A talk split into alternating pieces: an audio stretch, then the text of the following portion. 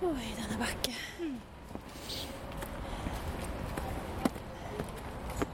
Ah, nu är den värsta biten gjord. Ska jag äta upp och sen ska vi kanske säga någonting att vi är på väg dit då eller? Mm.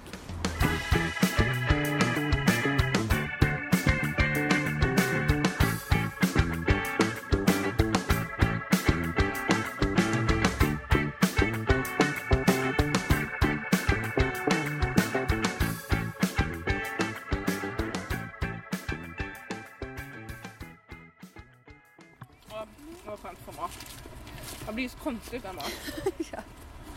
Nu är så matelak. Ja. Och tjurig. Hangry. Mm, heter ja men verkligen ändå. hangry.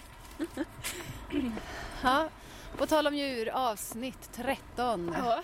Olycksnumret, nej. Ja, precis. Jag tror inte på sånt. Men det är ju lite så här, vi spelar in den, det är lite halloween, det är lite allhelgona, det är lite Ja. sådär. Ja. Så kanske passar med avsnitt 13 vad det gäller det. Precis. Eh, vi är på väg till eh, Naturhistoriska igen. Vi har varit här en gång tidigare men nu ska vi prata om andra små djur. Ja. Förra gången var det sniglar. Mm. Och nu ska det handla om insekter. Ja. Vi ska träffa Charlotte Jonsson som är biolog och jobbar här inne på Naturhistoriska. Och hon, hennes specialitet är insekter då. Vi får se om vi hittar henne här också. Det är massa folk ju. Här är det ju massa fladdermöss i taken nu. Inte riktiga fladdermöss utan Nej. eh, utklippta i papp. Kom precis in på Naturhistoriska. Men jag har ju, ja men kommer ni ihåg min kompis Linnea som eh, Jansson bor med, katten? Ja. Mm. Hon tycker ju att fladdermöss är jätte, jätteläskiga. Jag tror till och med, fast att de här inte är riktiga, tror jag hon hade tyckt det var lite läskigt. Oj! Vad är det de tycker är läskigt med dem? Vet du det? Jag vet inte, jag brukar bara få Alltså om vi kollar på film och så kommer en fladdermus så brukar jag bara få se till när den inte är i bild längre och sånt. Batman är inte hennes favoritfilm eller? Fast man har ju sett Batman, det har man Har faktiskt gjort. Ja. Men jag antar att Batman Begins är bäst då, för det är ju Ja, just för det, då det är han då är det- mest i grottan där. Ja, det är då det kommer Ja. fladdrandes.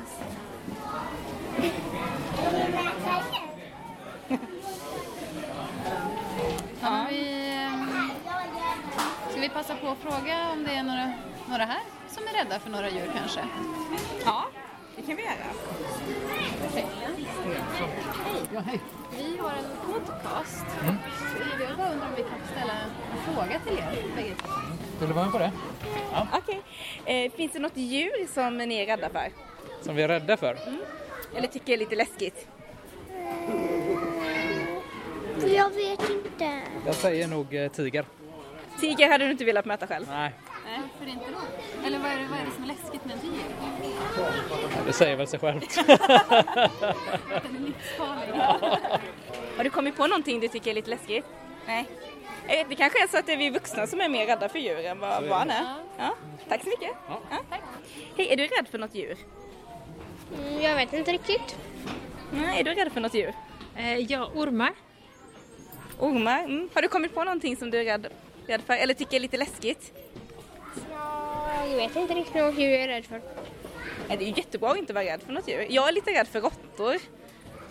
Men du kanske inte tycker de är läskiga heller? Nej. Och det verkar ju onekligen som att det är vi som är vuxna som är rädda för djur. Barn verkar betydligt tuffare än vad vi är. Men vi pratade om det att ehm, eh, Linnea där, min kompis, att hon eh, är rädd för fladdermöss. Du var ju lite sådär med den här kon som enligt dig stångade dig. Den attackerade. Eh, det gjorde inte den, typ ändrade riktning på huvudet och den. Medvetet mot min hand. Nej. Eh, nej men sen har jag ju hästar då också som jag tycker är... Fast är du verkligen rädd längre nu då? Du var ju ändå och klappade Balder och de Ja men det kändes ju mycket bättre, absolut. Mm. Men eh, jag tycker ju ändå, alltså jag har ju respekt.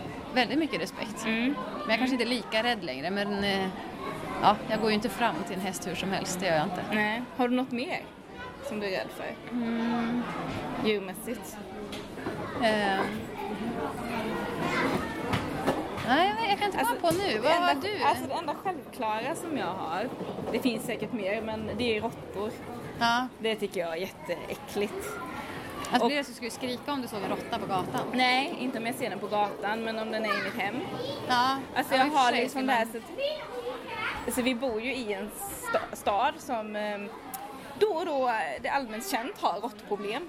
Råttor liksom. Så det är klart att jag har sett råttor på gatan, alltså och sådär i parker och sådana saker. Alltså det är ingenting jag tycker är mysigt men det är ju inte så att jag blir jätterädd heller för det har jag ju varit tvungen att vant mig med att leva med. Men jag tycker de är läskiga och jag har typ hundra på att jag har blivit attackerad av en Nej, jag Har du också blivit attackerad då eller av en stadsråtta. Vad gjorde den då? Ändrade riktning på huvudet? Nej. Gjorde den inte Nej, den sprang efter mig. Den stod uppe på en trappa i en tunnelbana i New York. Och sen så spände den ögonen i mig och sen så bara attackerade den och började springa ner för trappan rakt mot mig. En stor Den ändrade fet riktning när den sprang. Jag förstår dig Charlotte faktiskt. Det är nog inte så kul. Och det här är att man vet att råttor kan faktiskt ta sig in i hemmen och sånt. Mm, och de har ju oftast mycket sjukdomar. Ja, Det det känns ju det känns osanitärt och äckligt. Min mardröm är att det ska komma upp en råtta i toalettstolen när jag sitter på dass Ja. ja och det ju bita fakt- mig. I muttan. Ja, den är ju inte trevlig Nej. alltså. Fy fan. Så att eh, det är tur att Västlägget ska inte byggas under mig i alla fall. Nej, det, det har du tur. Ja. Det är verkligen tur. Men nu ska vi gå och träffa andra Charlotte som jobbar med insekter som ändå är en sån, ett sånt djur. Eller ett, ett djur är det ju inte, det är ju det är ju massa djur men Ja. som många ändå kan vara rädda för. Ja. Och vi har ju fortfarande inte riktigt, eller jag har fortfarande inte riktigt förstått eh, exakt vilka av krypen som är insekter inte. Så Nej. vi, jag som- googlade ju på det här med spindel, så det vet jag nu. Men ehm, Vad är det som är det mer, definierar liksom? ett, Ja. eh, en insekt? Ja, precis, det. Trevligt. Ja, okej. Det, det är väldigt mycket folk här. Ja, men det är, men det är trevligt. Ja. Höstlov och allting. Ja.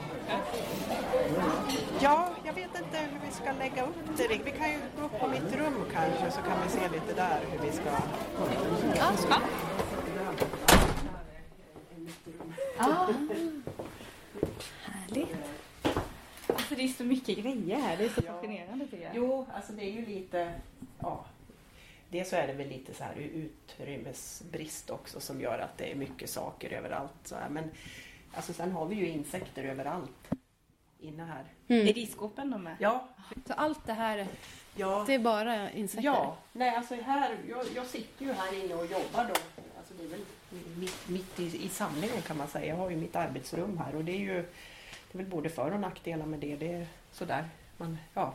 Men jag har ju, alltså det jag jobbar med finns ju liksom på, på plats runt Ja. omkring mig här. Så att det är ju lite, men vi har ju i, i de här skåpen här så har vi, det är våran svenska skalbaggssamling. Och eh, vi tror ju att vi har kanske ungefär 800 000 skalbaggar eller något sånt där i, i samlingen. Det låter ju väldigt... Ja, Det är så här verkligen bokstavligen gapar. Ja, nej. Alltså, men då, då får man ju tänka att det här är ju då material som är insamlat. Äldsta materialet är kanske insamlat i mitten på 1800-talet. Och vi har alltså i Sverige så har vi alltså nästan 4300 arter av skalbaggar. Bara skalbaggar alltså. Så att om man sprider ut och det här under ja, flera hundra års samlande så inser man att det är, det är kanske inte så mycket ändå. Nej. Alltså för vi tar ju emot eh, alltså samlingar. Dels så har ju museet drivit egna insamlingsprojekt tidigare. Det gör vi inte nu på samma sätt. Men, ja, och dels så är det ju det att vi tar emot då, eh, alltså det doneras ju samlingar hit ifrån ja, olika insamlare eller det kan vara projekt som Länsstyrelsen har och sånt där också när de gör olika inventeringar och sånt där. Och då får vi hit materialet så att det fylls ju på Mm. Det är mycket att förvara även om det är under väldigt lång tid ni har samlat på er. Ja, så är det jo, men det, det är ju fördelen om man kan säga i alla fall med insekter. Va? Det är ju att de ofta är väldigt små. Alltså det är ju inte som att samla på valar Ja, det här. okej. Så att det är ju lite... Här har vi ju eh, nyckelpigor till exempel. En, som sitter. Är det här olika sorter? Nej, det här är, är samma art alltihop faktiskt och då sitter de ju liksom in, alltså om du ser att de sitter ju liksom sorterade då eh, på landskap här. Så att i den här asken så finns det bara nyckelpigor ifrån Småland. Och det är Öland. Ja, Gotland. precis. Får jag ta en bild på Men det är Ja, samma absolut. art fast de Ja. är insamlade från olika landskap då? Ja, precis. Och det är ju alltså olika. En del kan ju vara då från slutet på 1800-talet och andra kan ju vara kanske ja, ett fynd som har hittat de senaste åren. Ah. Sådär. Men sparar man dem då? Är det för att kunna jämföra lite? Ja. Och det, det är lite sånt, eh, det är väl framförallt det som är det, stora, det som är bra med att ha de här samlingarna. Alltså att man har stora material också. Det är att man kan göra jämförelser över tid. Ah. Sådär. Man kan ju till exempel se, ofta så kan man ju se i en, våran samling här om en art till exempel har ökat eller minskat. Alltså vi har ju vissa arter som i princip har försvunnit från landet som vi har fynd från kanske slutet på 1800-talet, början på 1900-talet och sen har vi inga mer fynd efter det för att de har blivit så sällsynta eller att de helt enkelt har försvunnit. Va?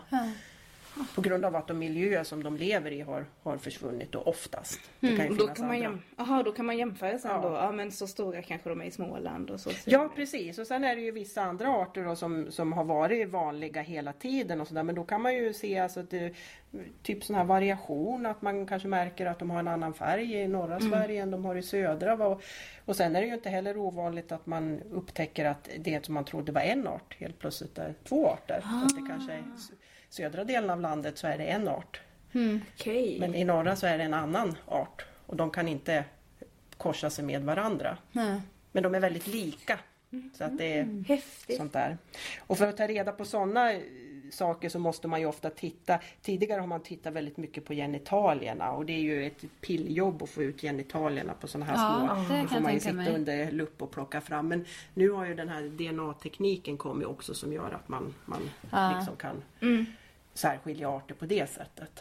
Så det är ju också ett sånt här eh, eh, framtida användningsområde för sådana här samlingar. Att man liksom kan ta DNA-prover och Mm. på så sätt eh, ja, upptäcka nya saker. Ja, häftigt. Men de här nyckelpigorna, eller jag antar att de är gamla nu, men de är ju inte röda. Nej, det här är en annan art som nu kommer jag faktiskt inte ihåg riktigt. Så de har aldrig varit här- röda? Nej, precis. Nej, okej. Jag bara tänkte om det var något att de har blivit gamla som tappar färgen. Nej, så, utan- nej. Alltså det, det är ju därför också, det var bra att du nämnde det där med färgen, för att det är därför också som man förvarar dem på just det här sättet i mörka lådor. Så här. Och det är ju, det är ju dels då så är det ju för att skydda dem från, från skadedjur, för det finns ju andra insekter som gärna äter de här döda insekterna. Va? Och det vill vi ju inte, för då försvinner ju liksom allt material vi har samlat in. Va? Men sen är det också det att det, det är många insekter är också, alltså när de är döda, är väldigt känsliga för ljus. Framförallt UV-ljus, men det kan alltså räcka med till och med med ljus från en vanlig sån här ett lysrör liksom, så bleks färgerna på dem. Och det är därför man vill ha dem förvarade, de ska sitta mörkt och torrt och i, i såna här tätt eh, åtslutande lå, lådor så här så att det inte kan komma in skadedjur. Och då, då, då kan man ha dem, förvara dem på det här sättet i hundratals år utan några problem. Jättehäftigt. Sådär. Här har vi ju andra nyckelpigor. De ser mer ut som jag var med. Ja. Så att det är ju, och det, det här är ju alltså en, en ganska stor eh, familj nyckelpigorna. Det är nog hela skåpet borta där och en stor del av det här skåpet. Ja, det är nog ner hit ungefär. Så att det finns väldigt många arter och Oj. de kan se väldigt olika ut. Man, man tänker ju ofta den här eh, vanliga mm. nyckelpigan som man brukar kalla jungfru Marie nyckelpiga. Det, är ju, det är ju liksom den som man ofta ser. Eller det, de förknippar flesta, ja, precis. Men det Ja. finns många fler arter. Så Ja. att det är sådär. Och en del ser ju inte ut som man tänker sig att nyckelpigor ska se ut. Nej, det här hade jag tänkt vara en fästing. Ja. Inte riktigt vet hur de ser ut. Ja, alltså. Jag har sett många fästingar, Ja. det är det ju inte. Men det är ja, lite mer likt. Är det ju. Ändå, Peter. Lite. Ja, det tycker jag nog. Är fästingen en insekt då? Nej, det, det är det faktiskt inte. Det är ett spindeldjur. Ah, Så att det är en annan grupp eh, som är som inte egentligen har något med insekter att göra. Det är liksom en helt egen grupp, eh, spindeldjuren. Men många blandar ihop det här med, med, med, med spindeldjur och insekter och tror att det liksom är lite samma sak. Men det, det är det faktiskt inte. För det pratade vi lite om. För vi var lite osäkra. Vi fick googla på det. Ja. Vi var Ja. lite pålästa när vi kom hit. Ja, må, många brukar ju säga liksom att det, det är småkryp, alltså att det är liksom, ja. Men det är ju samma sak där, det, det är inte lätt att veta. Va? Framförallt så är de ju väldigt små, även fästingar, så det är ju liksom svårt att, att ens se skillnad på dem med blotta ögat. Men är spindeldjur det som oftast misstas för att vara en insekt? Eller finns det fler sådana som man misstar? Ja, man, man kan väl säga att all, alla sådana här småkryp egentligen, det finns ju andra. Du har ju gråsuggor och du har mångfotingar och sånt där. De, de kan ju också misstas för att vara insekter även om de ser lite annorlunda ut. Men jag menar många insektslarver till exempel, de har ju en ganska långsträckt kropp liksom och rör sig lite så här eh, krypande sådär.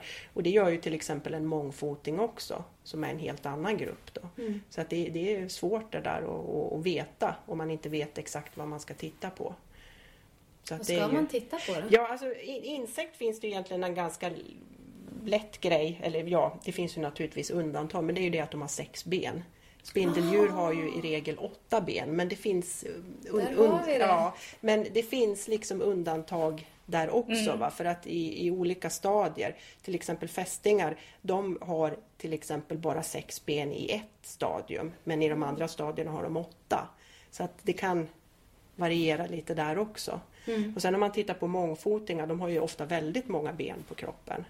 Men sen är ju det, det som krånglar till det hela, det är ju då att eh, många larvstadier av insekter, de saknar ju ben helt och då vet Ja. man ju inte vad är det här. Så att det är liksom, ja. Men de flesta insekter, de har sex ben. Det är bara fingervisning i alla fall. Ja, ja man precis. kan- Så kan- hittar man något med sex ben, då är det nästan alltid en insekt. Ah, det var mycket lättare än vad jag trodde Ja. att eh, veta. Här är vad- ja. anatomin och hela... Ja. Men vad Så spännande. det är lite, ja. Men hur kommer det sig att du blev så intresserad av, eller jag antar du är intresserad av insekter eftersom du jobbar med det? Ja, alltså jag, jag vet faktiskt inte riktigt. Jag, jag har väl alltid varit intresserad av djur även när jag var liten sådär. Och Jag, jag kommer ihåg att jag var, jag var väldigt intresserad av, av insekter just att jag, jag fångade insekter och sånt där. Hade i små burkar hemma och sånt där och det var ju lite Ja, jag, jag vet inte. Det var, det var lite spännande på något sätt. Mm. Eh, sen när man blir äldre då försvinner väl det här intresset men när man sen läste biologi då så då började jag hitta tillbaks till det här med insekter igen. Och så blev det så att jag liksom ja, har- specialiserat mig på det. Mm. Men riktigt varför det, ja, Nej, jag vet det, inte. intresset har funnits Ja, jo Mm, precis. Att det är väl det här intresset för djur. Jag är ju intresserad av andra djur också. Men det är ändå det här, alltså jag vet inte. Det har liksom fastnat för insekter på något sätt. Det är liksom, ja. Mm. Men hur många arter sa du av insekter? Det var jättemånga i Sverige. Ja, ungefär 28 000 arter finns det. Men har du någon favorit?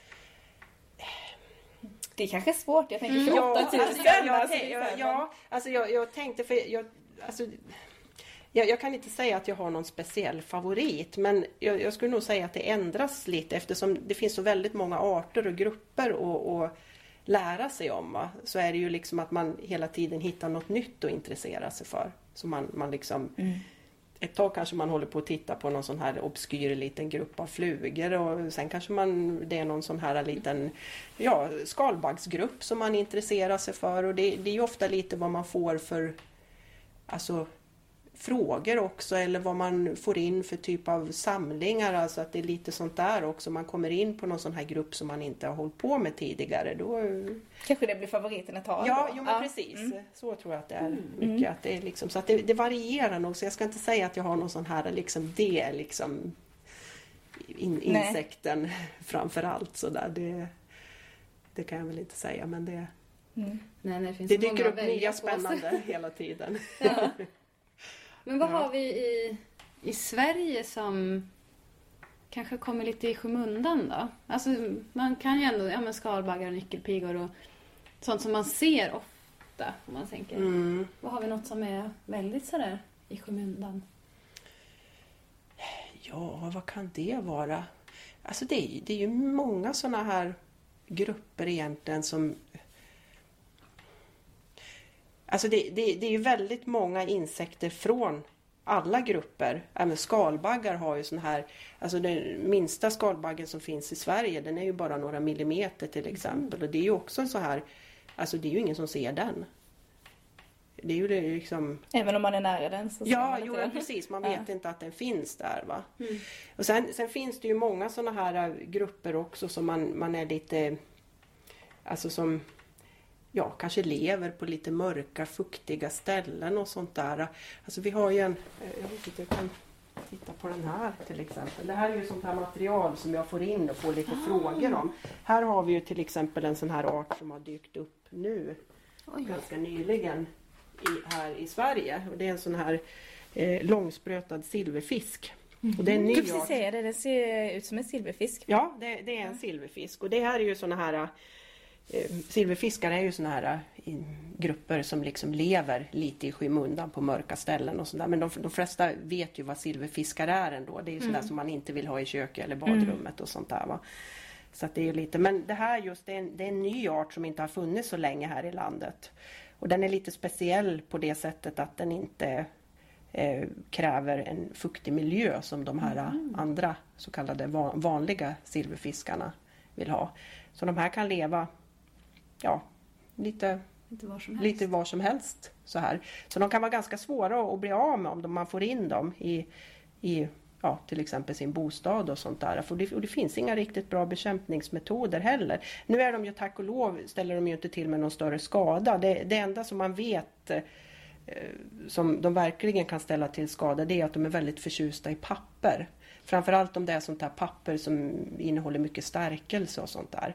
Det har till exempel hänt att de har ätit på akvareller och sånt där, tavlor och sånt där och det är ju inte så populärt om man har någon fin akva, dyr Nej. akvarell hängande på väggen och det kommer silverfiskar. Och, och, ja precis och de blir uppätna här. Men vet man var den kommer ifrån? Alltså om den kommer från något annat land? Att den hit på alltså den, viset? den eller? kommer ju, numera så är det ju en, en, en kosmopolit den här. Men alltså jag tror att den härstammar från Asien ursprungligen. Mm. Sen har den spridits runt. Jag tror jag har haft Hela- en sån hemma. Tror du det? Ja.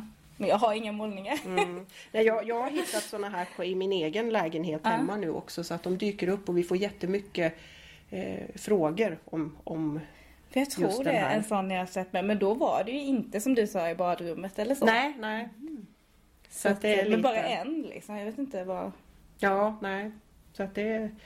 Det är lite så här. Men alltså som sagt, de, de är inte farliga på Nej. något sätt eller sådär. Men man får vara lite aktsam om man har liksom framförallt äl- äldre böcker och sånt där. Med mycket stärkelse i. De kan, de kan äta till exempel såna här bokryggar och sånt där. Alltså man tänker...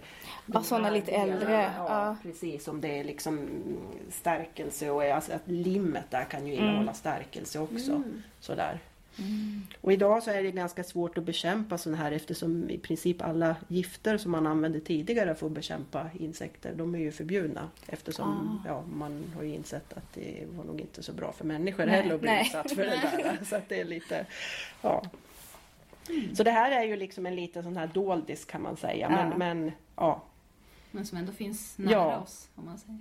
Precis. Vi kanske med kommer se dem nu Petra. Om vi är Mm. sett dem hemma hos oss. Ja. Ja. Precis. Nej, jag vet inte, sen, sen har man ju andra. Jag, liksom, det här är ju sån här här har vi ju såna här små risvivlar till exempel. De här fick jag in här för några vecka sedan. Och de här de lever ofta i riskorn. Och det kan man Inne hitta. i korna? Ja, Korna? Alltså de, Ja, ja, korna. ja. Och det är sånt där, ofta när man märker att man har de här hemma, det är ju när de liksom börjar, ja nu börjar de röra lite på sig här, det är ju när de börjar krypa runt och på andra ställen. Alltså de här vuxna då, vivlarna som ska hitta nya riskorn eller, eller något annat sånt där spannmål som de ska lägga sina ägg på och sådär. Ja, och då vet man att någonstans i skafferiet så finns det någon påse med någonting som de lever av.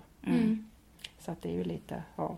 Men just det här att en del insekter då ändå är skadedjur eller vad man ska kalla dem för. Mm. Hur, hur får det dig att känna? Du jobbar ju ändå med detta. Ja. Du gillar insekter men ja. Ja, alltså det, det är ju sådär. Alltså, alltså, grejen är ju det att i, i naturen så är ju liksom skadedjur, jätte, eller inte skadedjur utan de här insekterna som är skadedjur I som vi uppfattar Ja. som skadedjur. Då, de är ju väldigt eh, nyttiga där. För ofta så fungerar de ju som, som nedbrytare. Alltså att de bryter ner dött material. Det kan ju vara löv eller kvistar och sånt där. Eller att de ja, till och med döda djur. Sånt där. Och hade vi inte de här då skulle det ju liksom ligga, alltså menar då skulle ju lövhögarna bara växa och Ja. växa och växa va. Och, och, eller liken ligga staplande så där ute i skogarna va. Och det, det är ju det de här äh, gör, Mm. de här äh, insekterna. Att de, de bryter ner dött material. Mm. Sådär. Men vi vill ju inte ha dem då inne i våra uh, skafferier och kök och äta av våra livsmedel och sånt där. Så det är ju lite Mm. så De här. fyller ändå mer funktion än att bara vara fågelmat också. Man tänker att fåglar ändå tar en del. Ja, absolut. Sen är ju det ju i princip nästan alla insekter är ju, utgör ju föda för andra djurgrupper också, till exempel fåglar. Så att det är ju, och ja, även jättemånga andra djur också. Så de är ju jätteviktiga. Så att det är ju lite, ja. Och sen är det ju det framförallt att det är ju väldigt många insekter, de är ju helt eh, livsnödvändiga. Alltså, och, och vi måste ju ha insekter för att kunna pollinera växter och, Mm. och grödor och sånt där. Mm. Mm. Det är ju, ja, vi skulle ju inte få några skörd- skördar på äppelträden eller liksom på eh, många åkrar och sånt där om man inte hade insekter som skötte jobbet där. Va? Men vad skulle du säga till dem? För det är ju många som är lite rädda för insekter eller tycker det är lite läskigt, lite äckligt sådär. Ja, alltså de, de flesta insekter som vi har här i Sverige de är ju helt ofarliga för människor. Va? Det finns ju liksom getingstick och sånt där kan ju vara farligt för vissa personer som är allergiska. Men det är ju nästan ingen som är allergisk egentligen emot getingar. Va? Så att det är ju så att det, det är ju liksom att, att bli liksom allvarligt skadad eller, eller liksom dödad av, av insekter här i, i Sverige, det, ja, det, det händer inte. Så när du ser en insekt då vill du mer artbestämma den? Ja, ungefär. Jag går ofta och tittar liksom och undrar vad det är för någonting och sånt där. Man tittar hemma om det kommer något flygande in där så blir man ju nyfiken på Ja. vad det är och sånt där. Så att det är lite, ja. Men hur lång livslängd har de ungefär? Alltså lever de bara så här kort? Eller? Eller det kanske, det, ja. Ja. jag vet, nu sa du 28 000 men Ja, alltså, ungefär. det är ju en jättevariation där. Ja. Alltså, alltså, eftersom vi har ju vintrar här också i, i Sverige och, och då är det ju för kallt för många insekter Mm. att, att vara aktiva. Och det gör ju att, att många arter här på våra breddgrader, de är ju anpassade till det här så att de har ju ett sånt här, ofta ett sånt här vilostadie eller alltså de, de övervintrar. Och det gör ju att även om den har liksom kläckts eh, sommaren innan va, så övervintrar de ju till nästa år.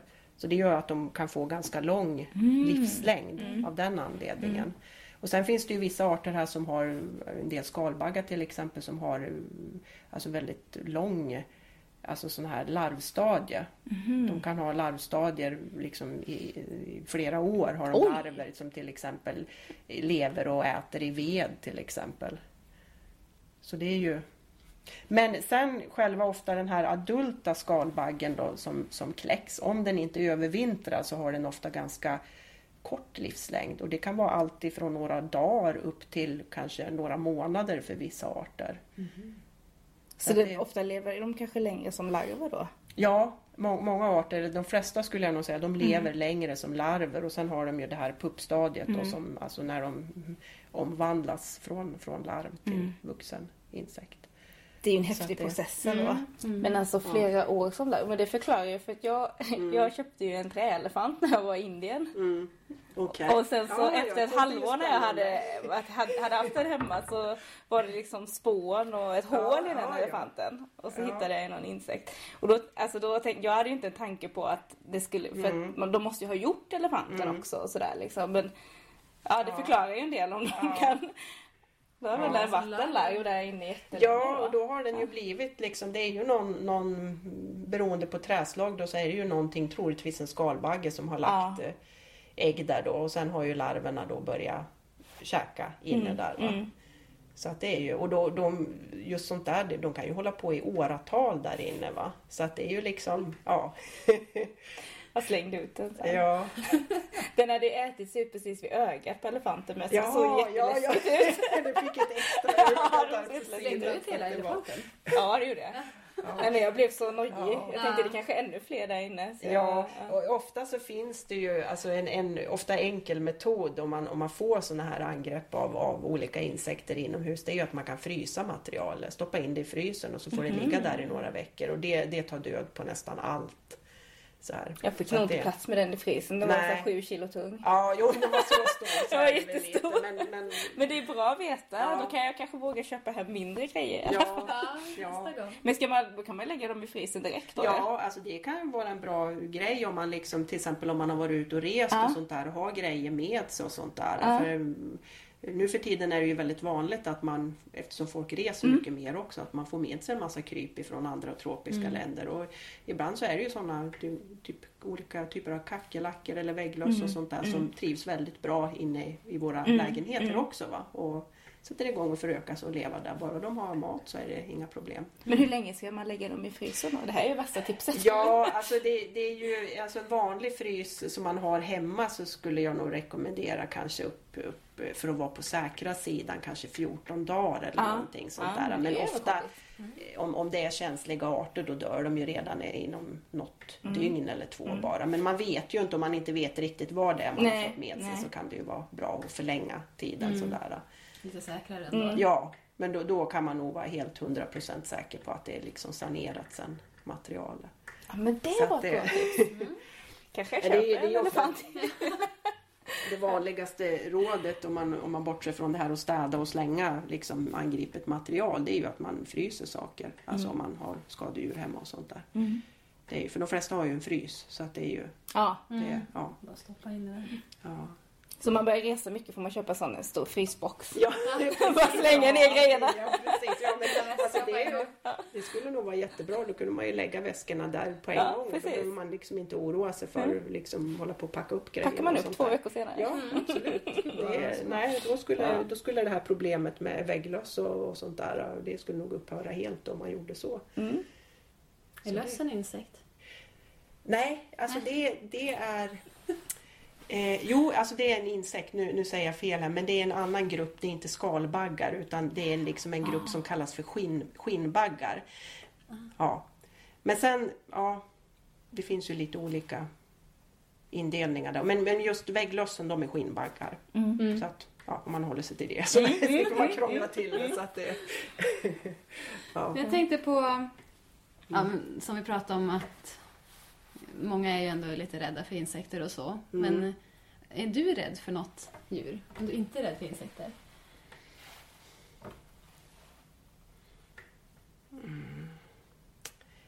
Ja, alltså, men jag, jag, jag kan väl kanske inte påstå att jag är rädd för något djur men däremot så har man ju respekt för vissa djur.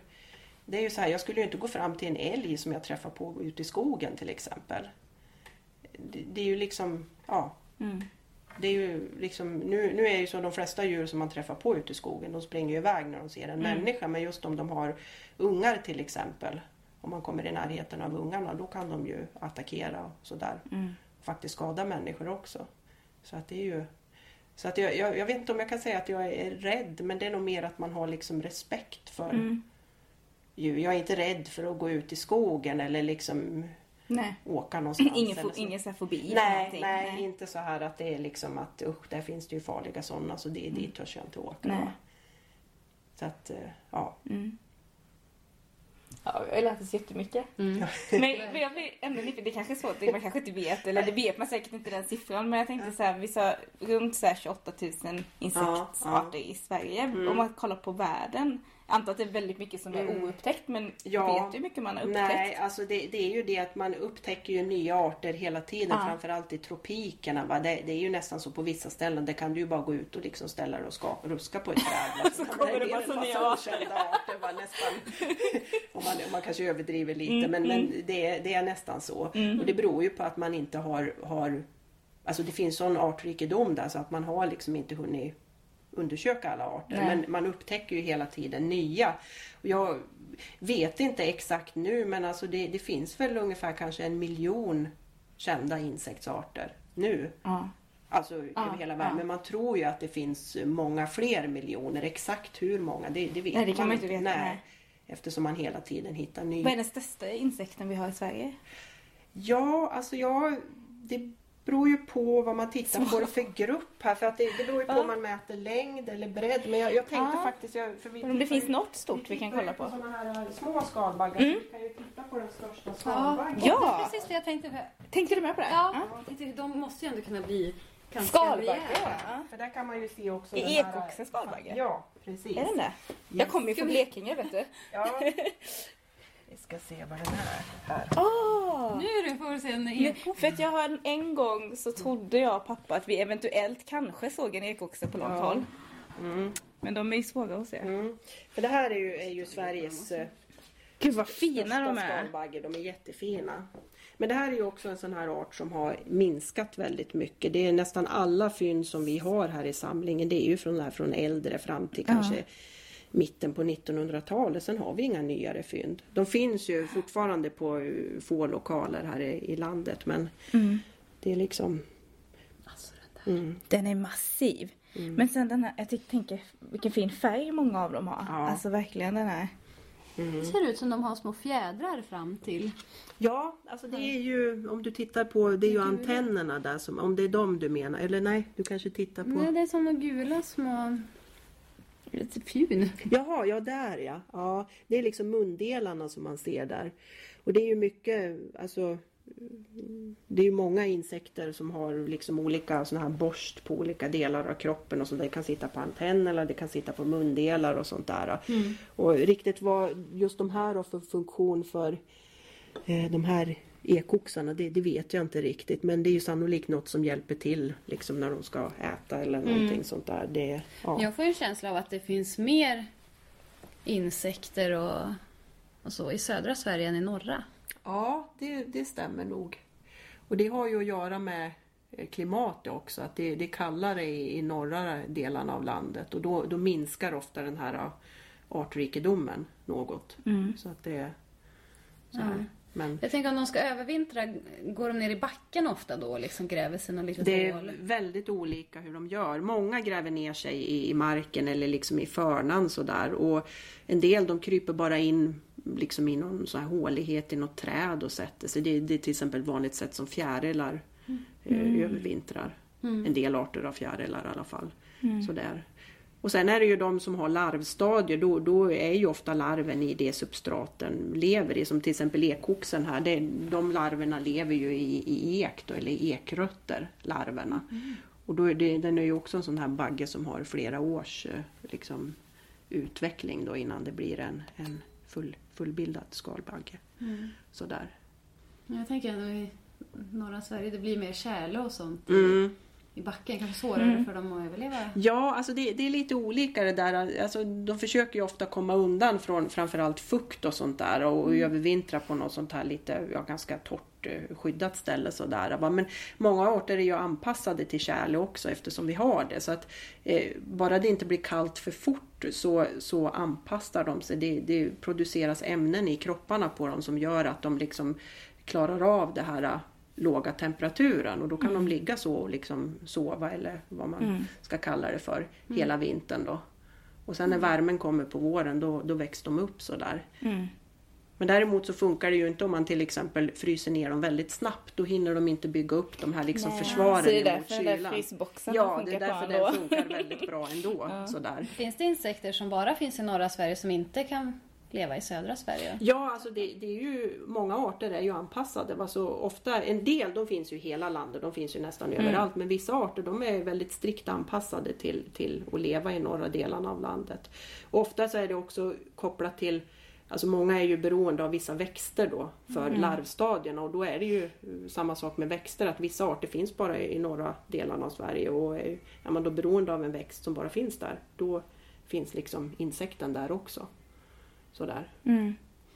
Men det här är Typ att de... mygg. Ja. Nej men det här att Ja. många insekter liksom drar sig till ljus och så. Vad handlar det om? Ja, alltså det, Vet man det? det är väl egentligen inte riktigt klarlagt varför det är så. Men det, det är ju som du säger, det är, det är många som blir Alltså de dras till, Ja. till ljus och man kan locka många insekter på det sättet. Och många blir ju nästan lite knäppa va, Mm. när de kommer i liksom, vid stark belysning och sådär. Börjar bete sig väldigt konstigt och alldeles förvirrat och bara flyger runt, Mm. Men nästan runt. lite besatta blir Ja, en del ja. sådär att de ska... Ja. Och jag tror inte att det är riktigt klarlagt varför det blir så faktiskt. Det, det finns lite olika teorier om det. Sådär att de liksom ska navigera efter liksom horisonten och att det kanske är ljusare vid horisonten eller att månljus och sånt där. Va? Och sen när de blir utsatt för ett sånt där starkt ljus då blir de liksom knäppa nästan. det blir Ah, liksom det för blir mycket. va? felorientering Ja precis, att det är Ja. liksom att de kan inte orientera sig när de kommer i det där starka De ljuset. blir Men, ju mångalna. ja, Ja, lite så kanske. Ja. jo, nej men så att det, det är För det är lite ofta så. då jag tänker på att jag ser insekter. Alltså på sommaren och så har man i tänt någonstans och så utanför på fönstret så bara flockar de sig. Ja. Mm. Jag kan ju visa lite också, ni kan ju titta bara hur fjärilsamlingen ser ut. Ja, fjärilar har vi inte sett några. Ja. De har vi ju då här efter, det är, här har vi den här är, vi har ju massa utländskt material av insekter också. De finns i ett annat magasin här. Men här inne har vi bara svenskt material. Då. Så, att vi har ju, så alla de här skåpen är ju fulla med, med fjärilar. Jag vet inte vad ni vill se. Om ni vill se stora eller små fjärilar. Jag vet inte. Jag kan vi kan titta här. Det här är ju en sån här fjäril som man... Eh, ska vi se vad den är här. Oj, också Oj, är den svensk på riktigt? Ja, alltså det här är nästan en svensk art. Det är en dödskallesvärmare heter den. Det låter jätteläskigt. Fast den hade jag ju tyckt var läskig om den kom flygandes Mm. Ja, mot mig. Det, det måste jag faktiskt säga. Den största sån här äh, svärmare som man kan träffa på här i Sverige, eller en av de största. Så att den är ju, och man, man ser ju också lite var den har fått sitt namn ifrån. Ja. Här, att det ser ut som en liten dödskalle på kroppen så här. Men det här är en art som inte lever egentligen så här långt norrut. De, de lever mer alltså nere vid typ medelhavsområdet Okej. eller Nordafrika och sånt där. Men däremot så kan de migrera jättelånga sträckor. Så de kan alltså komma flygande ända nerifrån Medelhavet upp Oj. hit på somrarna. Va? Så de här är ändå upphittade i Sverige? Ja, alla de här är upphittade i Sverige på olika ställen då. Och de kan flyga ganska långt norrut i landet också. Sådär. Så att det är lite...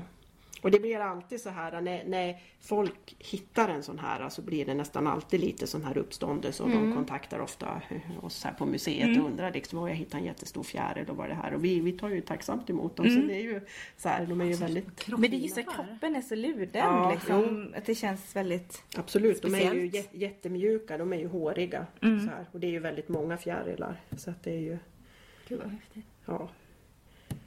Ja, är den så var blev lite nervös om det kom en Ja. sån de, de kan faktiskt skrika de här också. Så att det finns ju en mycket sån här my- mytologi. För en, en del insekter de har ju lite som försvarsmetod. Det här om man tar på dem så börjar de ge ljud ifrån sig. Alltså ofta är det att de gnider någon kroppsdel mot en annan kroppsdel sådär så att det alstras något ljud. Och tar man i en sån här levande och de, då, då ger den ifrån sig ett skrikande ljud. Så det är lite så här... Ja. Åh, men då Men förstår de är man lite helt- namnet och ja, så också. precis. Ja. Mm. Men de, de är ju helt eh, ofarliga som sagt. Eh, Så att då de, man kan hitta dem ibland. De kryper in i, i bikuper och sånt där och stjäl honung där. Bland Mhm. annat. Så att det är lite... Ja. Nej, sen är ju de andra lådorna är ju fulla med... med, fina med, med det här är ju andra typer av svärmare då. Jag ska se om vi har något... Ja, det finns hur, hur, hur ganska många olika arter. Ja. Så att det, ja. De Men är det de- just de som är lite köttigare, de svärmarna då? Ja, alltså de, är, de, är lite, de har lite kraftigare kropp Ja. kan man väl säga. Sen finns det ju andra här. Vi kan ju bara titta lite. Alltså, Det var det, jättekul. det, finns väldigt, det finns väldigt många Ja, arter. Så här kan man bli stående länge. Men Ja. vi kan se, här har du andra. Här har du ju en annan art. Här har du ju också en sån här. Oj, De är ju den var cool. är ju väldigt fina också. Ja. Jäklar. Jättehäftig. Mm, björnspinnare heter den här. Men tusen tack alltså. Ja, det här jag var ju hoppas ni är jättekul. nöjda att ni fick Det var Ja, jättekul. är det så spännande. Skulle kunna vara här hela dagen och bara fråga hur mycket som helst.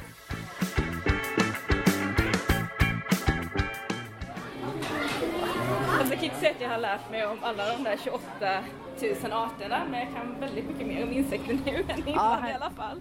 Absolut. Men Charlotte var ju grym. Ja, att det finns 28 000 insekter, det är ju helt galet. Ja men det är helt bisarrt mycket. det, det trodde jag inte faktiskt. Nej, Men nu och det är vet ju vi att... bara i Sverige. Ja. Alltså sa minst en miljon i världen typ. Det är Som man har identifierat.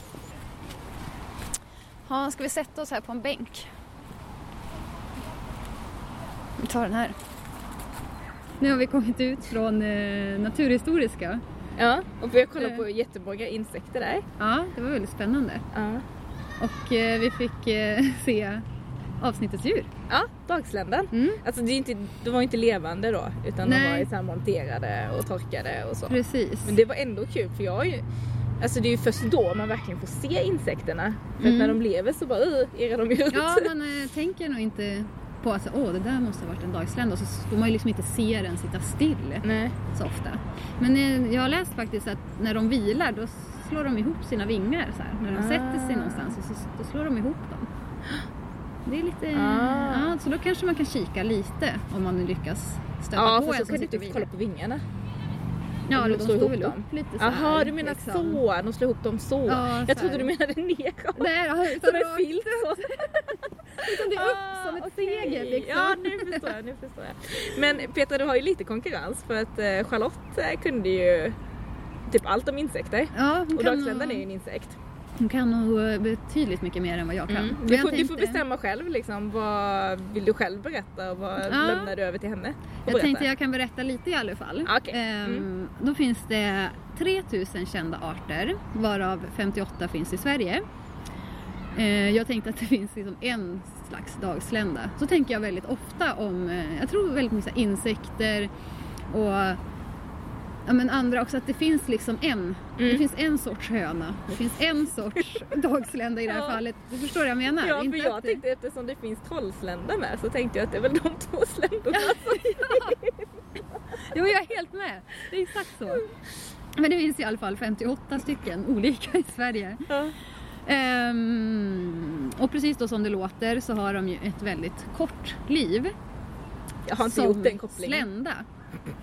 De har ju Ah. ett längre liv innan de blir slända. För Mm. som många andra, om man tänker som fjärilar sådär, så förpuppar de sig.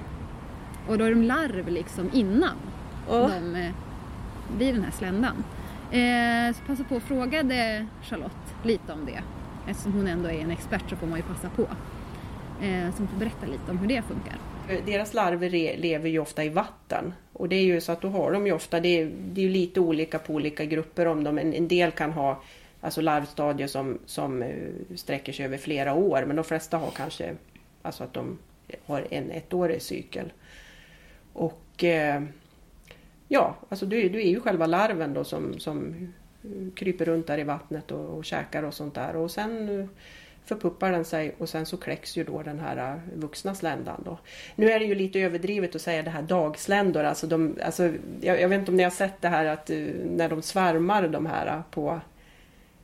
på Ja precis, att de har det här och åker upp och ner sådär. Och det är väl lite där, därav det här namnet kommer för att de liksom bara dyker upp och så håller de på där någon dag och sen försvinner de bara. Och då har man ju liksom tolkat det som att de, de liksom de bara lever någon dag. Men ofta så är det ju inte så. De lever ju ofta lite längre, kanske någon vecka eller ännu längre. Sådär. Så att det är ju lite... Ja, det... Har du något exemplar av en? Ja, jag har... Kan vi ska se här. Alltså det är så mycket grejer här. Nu är dagsländer tyvärr såna här som brukar se ganska tråkiga ut när de... Jag ska se var de har dem någonstans. Jag tror att de sitter här i. De brukar se lite tråkiga ut när man eh, eh, monterar dem sådär. Jag tror att de sitter här har du lite olika såna här. Då, nu, är det lite, nu är det lite blandat i den här lådan va? men här Mm, finns det ju till exempel vingar. olika. Och du ser de är ju liksom ganska sköra sådär. Det Så måste vara är liksom jättesvårt lite- att montera dem så. Ja, och därför, vingarna. därför så gör man ofta så att man förvarar såna här i, i sprit, alltså att de ligger i spritrör. De ser ju inte lika liksom, trevliga ut då men de, de liksom de håller. Alltså det är helt sjukt men jag vet inte om man hör det i, i klippet. Men jag låtsas ju att jag precis som ni har tänkt på det här att dagslända det är för att de inte lever så länge men jag har ju aldrig fattat det. Vad tänkte du då? Jag vet inte, så... Att, det, att de är aktiv på dagen kanske. Ah, ja, i och för sig. Ja, jag vet inte men det ni var ju helt med på det så jag tänkte jag spelar ju med här men eh, jag har inte gjort den kopplingen innan. Fast nu kan det ju faktiskt vara så att de eh, lever lite längre också. Ja det hörde vi ju där. Mm. Eh, och det kan också vara så att de lever bara någon timme liksom. Det beror känns lite ju på. deppigt. Ehm, men om vi ska gå in på hur de ser ut när de är larv. Mm. För det kan ändå vara intressant Mm. att veta. Om man nu vill rota lite i någon liten göl någonstans. Ja, Kanske man hittar en liten larv. Ehm, då är den... Eh, ska vi se. Den har liksom en, eh, en liten längre, långsmal kropp.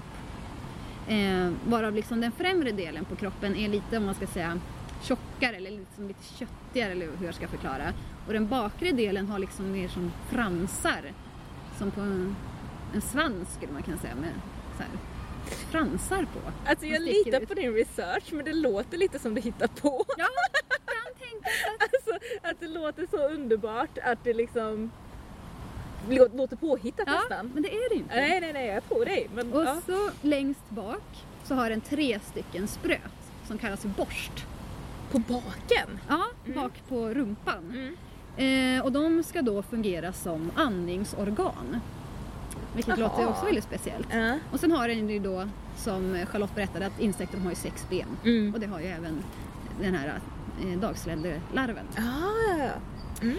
Eh, och de ömsar skinn eh, under sin, sitt larvstadie. Eh, för en del arter så kan de ömsas skinn mer än 20 gånger. Men kroppsformen ser mer eller mindre likadan ut ändå. Det blir inte så mycket större eller sådär ändra sig så mycket. den Den bara, byter byter, ja. Liksom. Så när den väl ska bli slända sen, ehm, då ska den ju ömsa skinn en gång till. Och då liksom håller det den här larven uppe vid vattenytan. Eh, och det kan ju vara en damm, en göl, vad jag Mm. fick det ifrån, men i alla fall en sjö till exempel. Så simmar den eller så driver den liksom med vågorna sådär. Ehm, och så börjar det spricka lite, skinnet uppe på ryggen. Och ur där kommer då de här vingarna Ah. där uppe på. Eh, och det är liksom på den där lilla köttigare delen av kroppen. Det är en hund där i Ja. närheten, jättesöt. Ja, en fluffig vit. Och sen de här vingarna, de kan vara, vad ska jag säga, alltså antingen så är de genomskinliga, alltså glasklara, Mm. eller så kan de vara lite så här brokigt mörka i färgen och så är det som ett ådernät ser det ut som i, i Mm. För de vi såg var ju ljusa liksom. Ja, de precis. kan för man oss. se små, små, Ja. små streck som det är som ett ådernät Ja. liksom i. Ehm, och vanligtvis har de fyra vingar där de bakre vingarna är mycket mindre än de främre. Men en del har bara två vingar också. Mm. Ehm, mm. Och sen så ska de, när de väl har ömsat det här skinnet, då tror man ju att ja, men nu måste de väl vara klara med att ömsa skinn. Men nej, det är de inte. De ska göra det ytterligare en gång till. När de har blivit sända. Ja, precis. Och då, det gör att de är det enda kända exemplet på en med flygförmåga utrustad insekt som ömsar skinn när den liksom är klar. Ehm, och sen händer det också att många sländor dör redan i det här skedet när de ömsar skinn och får sina vingar. För de är ju nära vattenytan och så kommer de här vingarna ut så ska de väl iväg. Jag antar att det är lite komplicerat liksom att börja flyga för de är lite svaga vingar sådär i början. Men det är klart de är helt nya vingarna. Ja, jag har inte ens testat Ja, dem. Och så ska de flyga från Åh vatten vilken press sådär. jag hade ju varit en dag sedan Ja. och sen bara, nej jag drunknade det första jag gjorde. Ja, det känns som att det är riskabelt. Ja verkligen. Men när de eh, väl är slända då så är deras enda uppgift det är att para sig och lägga nya ägg och de läggs direkt i vattnet sen. Men det är det de gör. De äter inte ens. Jag tycker det låter deppigt. Ja. Jag tycker det låter lite När de deppigt. väl har blommat ut och blivit, då får de hitta en partner och sen är det slut. That's it liksom. Ja. Men då har de ju varit larv då i två, tre år. En del Ja det är i och år. för sig rätt länge. Så att de har ju haft Kanske sitt får vara liv innan de liksom. Mm. Det är då de liksom cashar in, alltså det är då de får leva ut liksom. Ja, under de här dygnen, timmarna. Mm. Ja, beroende på. Mm. Alltså jag blir ändå så förvånad att eh, många insekter faktiskt lever så pass länge ändå. Jag trodde att de bara levde så här någon månad. Ja, och sen är det slut. Ja precis, men det är faktiskt rätt långa liv. Ja, Speciellt som de där larverna. ja just i larvform så, Mm. så lever de betydligt längre än i sin utvecklade form. Eller så som vi ser Ja. dem oftast. För flera år är ändå rätt länge för en sån liten sak tänker jag. Mm. Ja. Mm, De har det nog gott där. Vissa av de här larverna kan ju de kanske bara simmar runt i vattnet. Sen finns det vissa av de här larverna som gör små gångar åt sig själv nere i botten på Ah. den här sjön eller var de nu Mm, lever någonstans. Och så finns det vissa som gör något så här slemhölje åt sig själv liksom, som de lever i.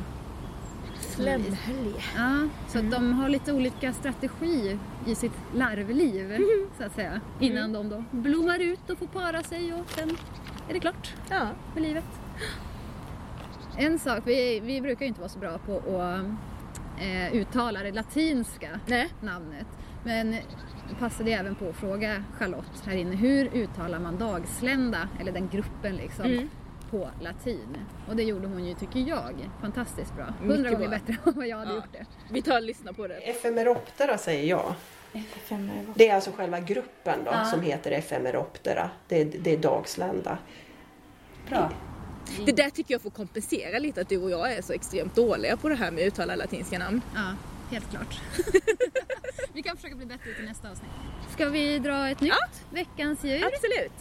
Eller veckans djur säger jag hela tiden. Ska vi dra ett nytt avsnittets djur? Ja. Men nästa gång Ja. som vi hittar en expert som vi kan koppla till avsnittets djur, då vill jag att det ska vara mitt djur. Vi får hoppas att du får någonting som är, är lättare att hitta än någon eh, lemur. Ja, hade vi bott i Stockholm hade vi kunnat gått Skansen. Ja, Men nu går vi vidare. får vi se. Jag vet inte hur man uttalar det här. Belugaval. Belugaval. Jag tror det. det kan bli svårt. Belugaval. Ja, det blir inte nästa gång jag Vi får ta Ja, nej, men eh, det blir jättespännande. valsafari. Spännande. Till nästa gång, ha det så bra.